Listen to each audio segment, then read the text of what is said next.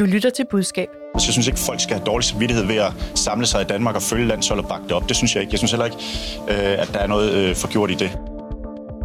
Regeringen bliver hjemme. Det samme gør kongehuset, hovedsponsorerne og mange fodboldfans. Men Kasper Julemand og herrelandsholdet er rejst til Doha i den omstridte oliestat Katar til verdens største fodboldbegivenhed. Et Doha spækket med journalister, der står klar med skarpe spørgsmål. Hvordan har DBU forberedt deres budskaber frem mod det stærkt kritiserede VM? Kan de holde fodboldfolkefesten helt adskilt fra politik? Og hvilke svar skal DBU's ledelse stille med, når de kritiske spørgsmål om menneskerettigheder og døde migrantarbejdere bliver dirigeret hen til dem?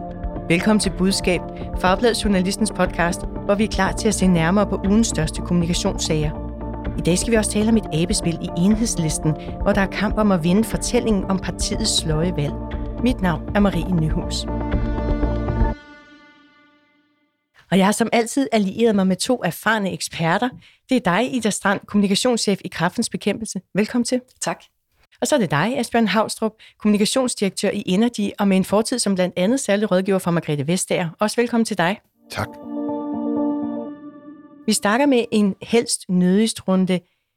Ida, hvor vil du nødigst have været rådgiver den her uge?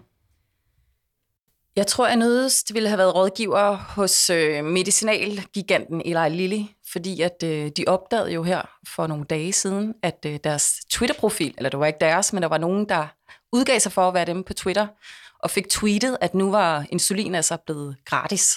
Og så faldt øh, deres øh, aktiekurs, og det gjorde Novo Nordisk også. Øhm, og det er jo en del af hele det her altså, øh, nedsmeltning i forhold til Twitter, efter at... Øh, efter at øh, de har fået en, øh, en, Elon Musk har taget over som øh, CEO. Det gjorde han jo kort tid efter, at han fik skrevet aftalen under. Mm. Øh, og han har jo startet med at fyre halvdelen af de ansatte, og så faktisk forleden fik han kommunikeret ud til dem, der er tilbage, at de skulle øh, være med på, at fra nu af skulle de være extremely hardcore, og skulle bare arbejde igennem, og ellers skulle de tage deres tøj og gå.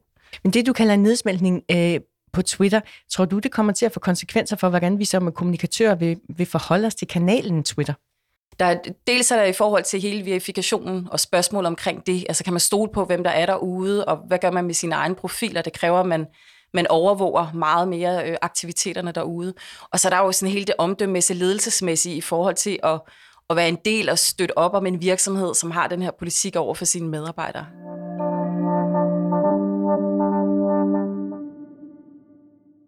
Søndag går det løs med VM i Katar. Flere medier har på forhånd erklæret, at de vil dække VM og forholdene i Katar kritisk. Det kan man tydeligt se og høre allerede nu. Det er en kontroversiel slutrunde, Danmark deltager i. De omdiskuterede verdensmesterskaber i Katar. Forud for kampen raser debatten om, hvorvidt man kan tillade sig at se kampene eller ej. Jeg synes ikke, at en lang række grunde, at det her VM det skulle spilles i Katar. Hvad er det store problem ved Katar? Det er jo sådan set, at vi nu skal have øh, en global fest i over en måned, der hylder, at korruption betaler sig. Det internationale fodboldforbund FIFA har nægtet de danske spillere at bære træningstrøjer med budskabet Human Rights for All i Katar. Og derfor spurgte Ekstrabladet landsholdstræner Kasper Julemand, om der så kommer en anden protestaktion fra den danske trup. Kasper Julemand svarede, her kommer lige et citat, det er ikke op til os. Du er nødt til at spørge vores direktør om det. Som gruppe har vi besluttet at fokusere på fodbolden. Ida, i din optik, hvad får DBU ud af den strategi, altså at holde øh, politik adskilt fra fodbold? De får, kan man sige, inddæmmet Kasper Julemand og spillerne, og, og ligesom øh, givet dem mulighed for at kunne holde sig inden for det sportslige, og fokusere på det sportslige og den præstation, de skal ned og levere. Og så får de jo så givet, givet øh, ordet videre til ledelsen, og det er jo så op til ledelsen, hvor meget man vil lægge sig i scenen for at være proaktiv og få kommunikeret ud omkring nogle af de her holdninger. VM var jo længe. Holder denne her strategi VM igennem, tror du? Jeg tror, at jeg tror til dels, øh, jeg synes, det er en rigtig strategi at, ligesom at, at lade spillerne fokusere på spillet, og det tror jeg også, at, at øh, befolkningen ligesom synes, det er legitimt, at, øh, at, det er, at det, der er deres fokus. Jeg tror ikke, at DBU's, kan man sige, tilbageholdenhed i forhold til at, at forholde sig til Katar, det er jo ikke sådan, de kan forholde sig til det. De har jo været ude og udtale sig mm. øh, altså lang tid op til men, men, øh, men, men, men de nøjes med at have en holdning til det. Altså, vi mangler ligesom at se noget handling. Ja, lad os vende tilbage til det. Asbjørn, du sagde til mig omkring den her strategi med at holde fodbold og politik adskilt fra hinanden, at det er en god strategi, men det er også en strategi, der kommer med en pris. Hvad er det for en pris? det kommer jo i hvert fald med den pris, at øh, vi vil få utrolig mange af de klip, vi også har fået her de seneste dage, hvor øh, de mange, der er i Katar sammen med fodboldlandsholdet, bliver præsenteret for de her spørgsmål, og så henviser, øh, henviser til, at man må spørge DBU's ledelse. Og det ser jo ikke så kønt ud, selvom jeg er enig med Ida i, at det er den rigtige strategi, og det er forståeligt. Og det stiller nogle krav til, til DBU og DBU's kommunikationsafdeling. Jo først og fremmest, at man har trænet alle de her, der ikke skal svare på spørgsmål i, hvordan gør man det på en sympatisk måde? Altså, hvordan bygger man en, øh, en sympatisk bro mellem det kritiske spørgsmål og det svar, man ikke vil give? Og det virker nok det virker også på mange af svarene, synes jeg, som om de faktisk har trænet det. Noget andet er det her med tidsperspektivet. Altså, det er lang tid. Så kommunikationsafdelingen får også en stor coachingopgave. De skal simpelthen øh, blive ved med at fortælle de her mennesker, hvorfor det giver mening, at man har den her rollefordeling. Og så skal DBU's ledelse jo have de her spilleres ryg. Altså hvis det, DBU's ledelse stikker, stikker hovedet ned i busken eller ned i sandet, øh, nede i Katar, jamen så, så, så, så skrider den her strategi. Det kræver, at DBU's ledelse så står på mål for julemand og spillerne. Mm. Øh, vi har spurgt DBU's kommunikationschef Jakob Højer om, hvorfor de har valgt den her strategi. Han siger, det handler om at give spillerne arbejdsro. Jeg skal lige sige, at vi har talt med ham øh, på en telefonforbindelse over Doha, og lyden er ikke helt så god, som vi kunne have ønsket. Vi har stor respekt for den kritiske dækning, der er ved i Katar, øh, og der har været i mange år i, i flere danske medier. Det har været med til at skabe det pres, som har skabt nogle forandring. Derfor er direktøren, fodbolddirektøren og jeg som kommunikationschef er jo også til rådighed for interviews Øh, men vi bliver nødt til også at give spillerne og trænerne mulighed for at koncentrere sig om det, de er for. De er nemlig for at, at vinde nogle fodboldkampe og drømme om at vinde den store pokal. Øh, så øh, sportspressen og ytringsfrihed, de kan spørge om, hvad de vil, men de må også acceptere, at den enkelte spiller nogle gange siger, og det er de ikke sat sig ordentligt ind i, tale med direktøren, tale med fodbolddirektøren. Asbjørn, hvis du nu havde øh, Jakob Højers job og var til VM i fire uger med 26 spillere og masser af journalister, du var inde på det lidt før med, med broen her, men hvordan vil du sådan helt konkret forberede spillerne på mødet med pressen? Hvad var det, du ville træne med dem? Jamen, jeg vil jo træne den her øh, svarkonstruktion, jeg tror, nogen kalder det en ABC, men det her, hvor man starter med at anerkende, at, øh, at spørgsmålet er berettiget og rigtigt, og måske, som man også kan se, mange af spillerne gør lige, øh, giver medløb på det her med, at det er et problem, at det her VM, det er faktisk en skandale, at det her VM holdes i Katar, og så giver en god grund til, hvorfor man ikke kan svare. Øh, det, vil, det vil være den ene del af opgaven, og den anden del af opgaven vil jo så være vedvarende og minde spillerne om, hvorfor det er en god idé, at der er den her arbejdsfordeling mellem BBU's ledelse og, og spillerne, øh, så man ikke fristes øh, til at falde i. For det handler jo både om at kontrollere et budskab, helt oplagt, men, men det handler jo i virkeligheden også om, at det, når man er så koncentreret om det sportslige, kan være svært at overskue, hvad man sætter i gang, hvis man udtaler sig til højre og venstre om politik. Vil du være nervøs?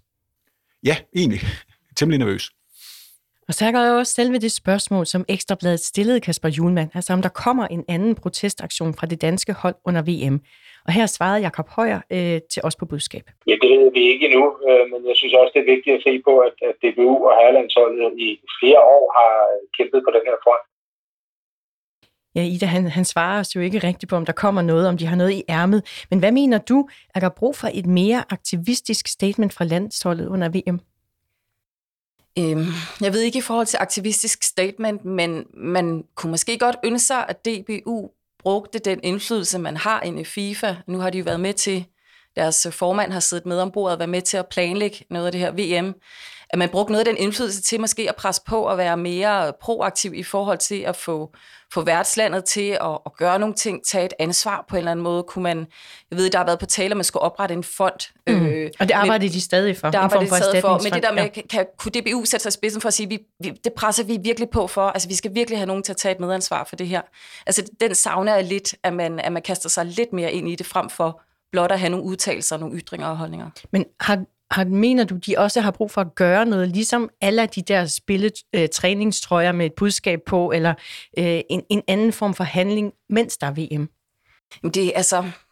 Jeg synes, det er et svært spørgsmål, fordi der har jo været forskellige markeringer også for de, for de andre hold, og det skal også øh, være troværdigt. Øhm, jeg tror, at mange sidder, dem der ser kampene, ser kampene for at se fodbold, og også kører sporet omkring øh, øhm, øh, det problematiske at være dernede ved siden af. Øh, og ja, jeg ved ikke, en, en protestaktion. Måske mere noget konkret handling, der kan blive til noget. Hmm. Og Asbjørn, øh, i dag der kan vi så læse på øh, bold.dk, øh, de har været til et pressemøde med blandt andet DBU-direktør Jakob Jensen, som også blev spurgt til de her spille, eller jeg bliver ved med at sige spilletrøjer, det er jo træningstrøjer, hvor han, sådan, hvis jeg skal gengive det kort, er citeret for at sige, at de tager FIFAs afgørelse til efterretning. I en situation, hvor træneren og spillerne parerer mange af de kritiske spørgsmål over til DBU's ledelse, hvilke krav stiller det så til budskaberne fra ledelsen? Jamen altså, jeg, jeg tror faktisk, jeg er lidt uenig med Ida her. Altså, jeg synes, de har både en, man kan sige, både en giftig og en gylden mulighed. Det giftige er jo, hvis, hvis de ikke gør nok. Altså, hvis de giver sådan nogle teknokratsvar, som, øh, som det, der er på, på bold.dk, og sådan ligger lidt i slipstrømmen af det, der i øvrigt sker, mens andre laver noget, der er meget synligt, som de vil blive sammenlignet med, så, så tror jeg faktisk godt, de kan sætte noget af den rebranding af fodbolden og, øh, og øh, landsholdet over styr, som Kasper Julemand og alt det, de har gjort de seneste år, har stået for. På den anden side, så har de jo en enorm gylden mulighed for at gøre noget nu, øh, som, øh, som virkelig viser, at, øh, at det her det er et værdibordet landshold, der vil noget med fodbold, som mener noget i den øh, verden, de er en del af.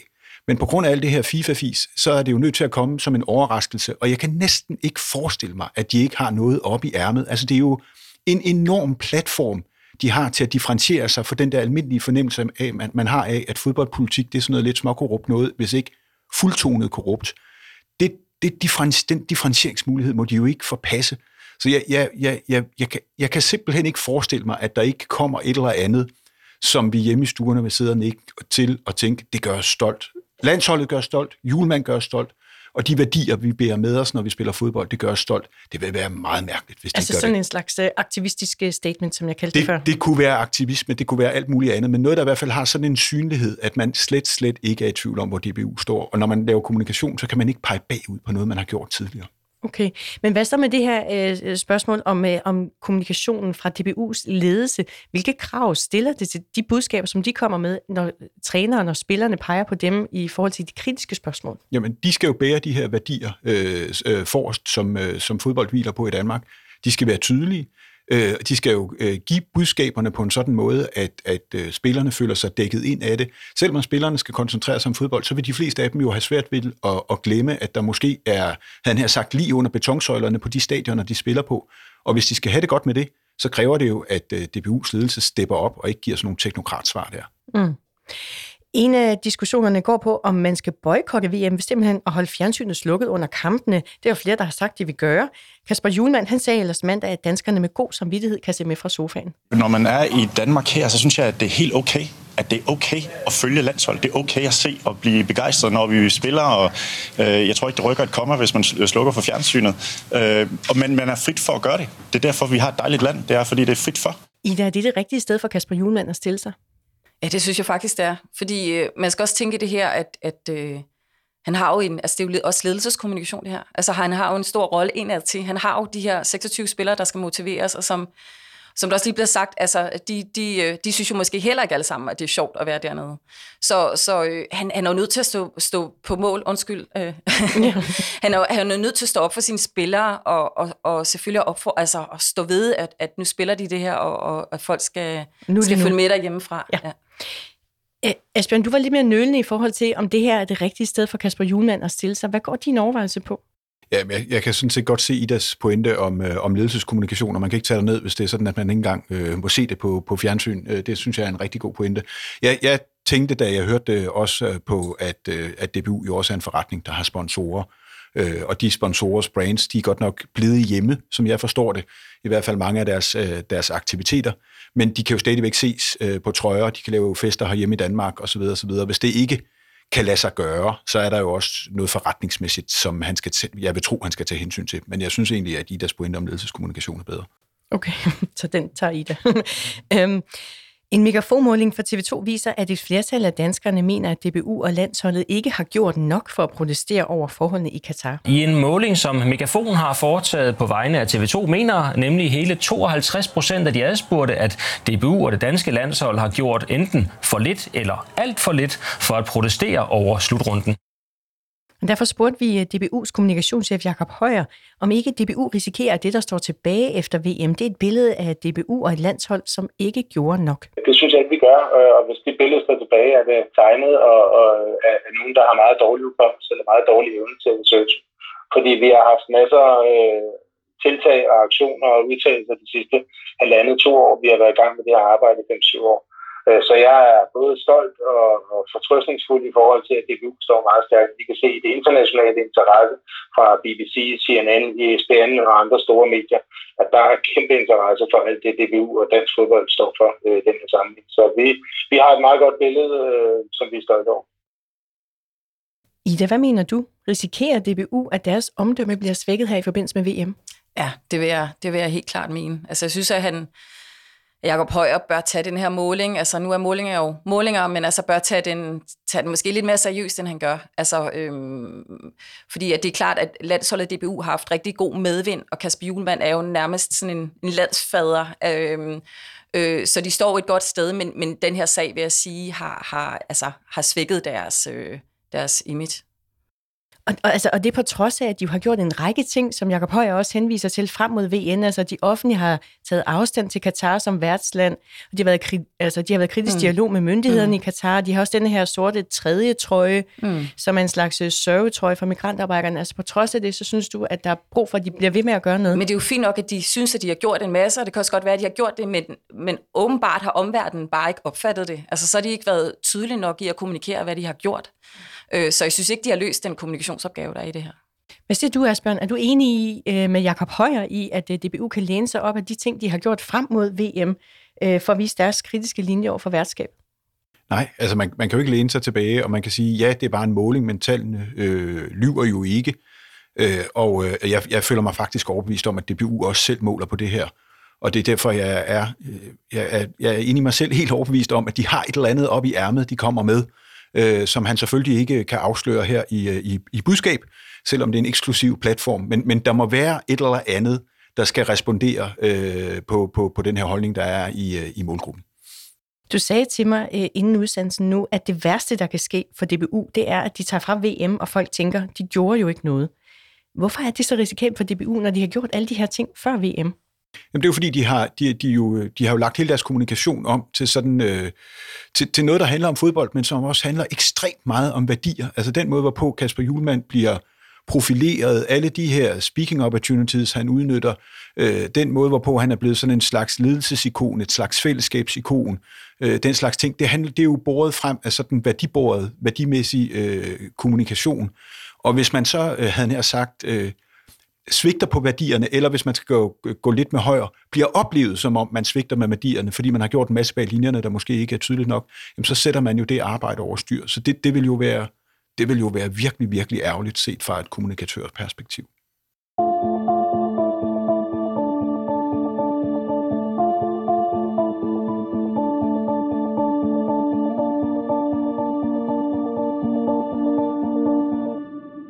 Du lytter til Budskab, Fagbladet Journalistens podcast om kommunikation. Skriv meget gerne til os, hvis du har input eller idéer til podcasten, eller endnu bedre, hvis du har et dilemma fra dit eget kommunikationsjob. Skriv til budskab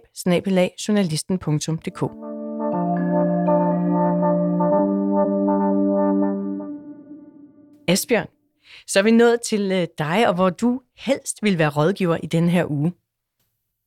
Hvis jeg, hvis jeg lige kunne skifte job en uge, så vil jeg gerne være ansat øh, i Venstre hen over weekenden. Og det er jo, øh, fordi der holder Venstre landsmøde, og øh, Venstre går og pus, øh, pusler med, om de skal i, eller ikke pusler med, men øh, overvejer meget dybt, om de skal gå i regering eller ikke skal gå i regering med Socialdemokratiet.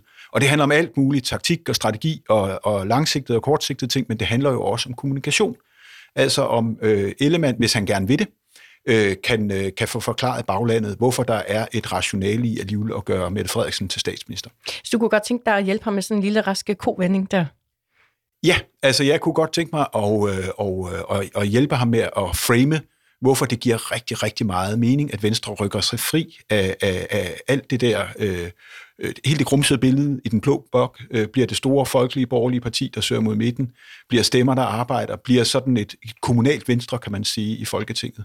Og få det ud over kanten på en måde, sådan at han får forhandlingsrum og manøvrerum på den anden side af weekenden. Det er da en super spændende kommunikationsopgave. Så hvad skulle hans hovedbudskab være, hvis du skulle formulere det til ham? Jamen det skulle jo være, at øh, han skal få øh, placeret Venstre et sted, hvor Venstre er spilbar, det vil sige ind mod midten af den borgerlige fløj, og så skal han få forklaret værdien i at være med, altså med sådan en gammel frase, borgerlige stemmer, der arbejder. Mm-hmm. Øh, hvis han kan få den logik trykket igennem på landsmødet, så får han jo den handlefrihed, han skal bruge til at lukke en aftale med Mette Frederiksen.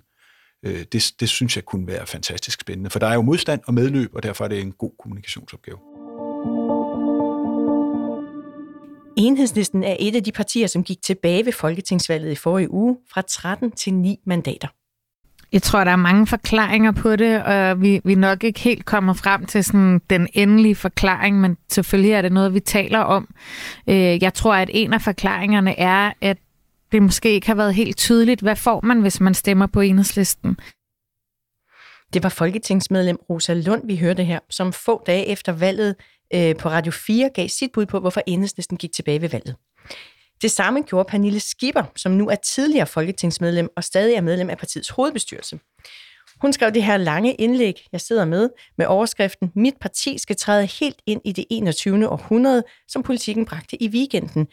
Og øh, her revser Pernille Skipper enhedslistens interne beslutningsstruktur. Jeg læser lige et citat. Partiets organisation er groft sagt stadig indrettet til et venstrefløjsparti i 70'erne, hvor interne diskussioner og uendelige demokratiske processer er vigtigere end at komme ud over rampen, skrev Pernille Skipper, og så efterlyste hun et moderniseringsprojekt version 2.0. Asbjørn, hvad får Pernille Skipper i din optik ud af at lægge denne her kritik åben frem i offentligheden? Hun kunne jo også have diskussionen internt i partiet. Ja, altså jeg tænker, hun i hvert fald får øh, to ting ud af det, eller tre. Hun får hun får framet øh, hendes fortolkning af, hvorfor det ikke gik så godt for enhedslisten ved det her valg. Hun får øh, eller hun prøver at tage patent på, hvad et moderne parti er, for der er ingen, der siger, at et moderne parti er et parti med mindre medlemsdemokrati.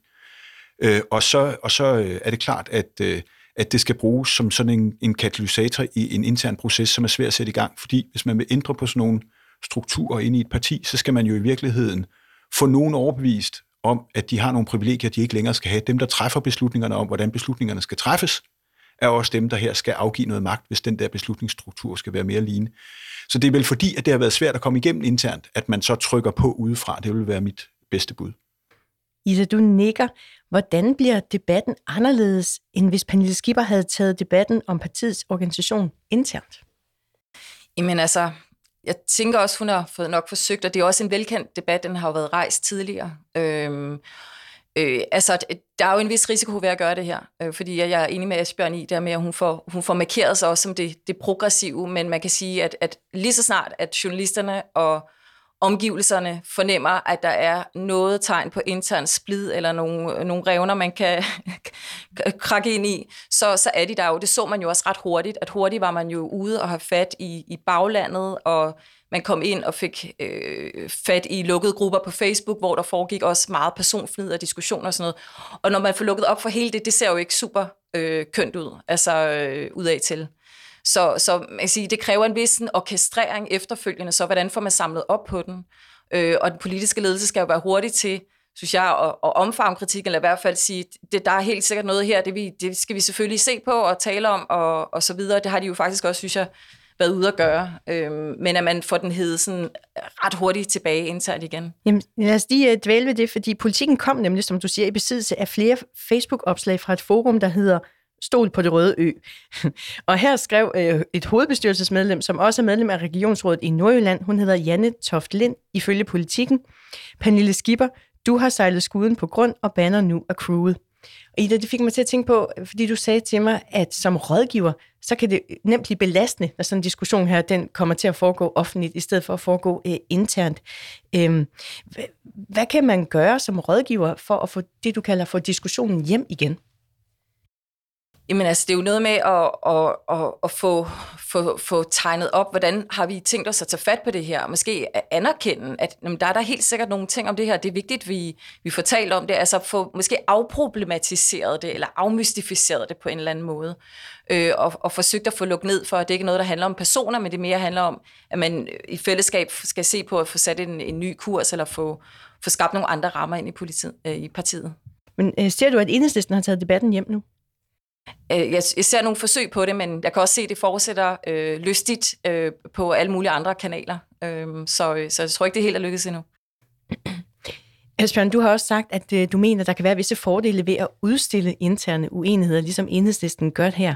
Hvad er det for fordele? Jeg, jeg tror, at det her er øh, orkestreret af ledelsen. Altså, Pernille Skipper har jo været en del af, af det moderniseringsprojekt, der er, er foregået i enhedslisten de sidste 15 år. Hun er vævet tæt sammen med Maj Villadsen og Pelle Dragsted og, og alle de her øh, profiler, som, øh, som definerer det moderne enhedslisten. Og, øh, og derfor tror jeg, at selvom det kommer med den pris, som I der taler om, for det er jeg meget enig i, så tror jeg, at det er, det er en strategisk overvejelse, der har været om, at man er nødt til at skubbe til noget udefra for at flytte noget internt. Og så tager man det støj med, det giver.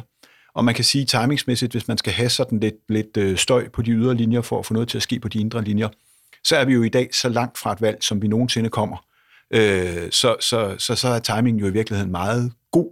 Så kan man have den der diskussion, og så har man, øh, kan man så lægge den død om nogle måneder, øh, måske med en konklusion, som svarer til det, ledelsen gerne vil.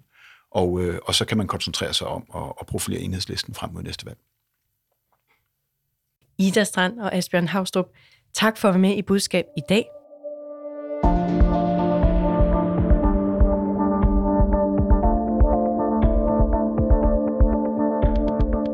Du lyttede til Budskab, Fagblad Journalistens podcast om kommunikation. Denne udsendelse er tilrettelagt af Sandra Korsgaard og mig. Mit navn er Marie Nyhus, og jeg er redaktør og vært på Budskab. Rakkerpak Productions står for lyd og teknik. Du hørte et klip fra TV2, TV2 News, Radio 4 og P1. Husk, du altid kan skrive til os, hvis du har input eller idéer. Skriv til budskab Hvis du kan lide at lytte til budskab, så giv os meget gerne en anbefaling. Tak fordi du lyttede med.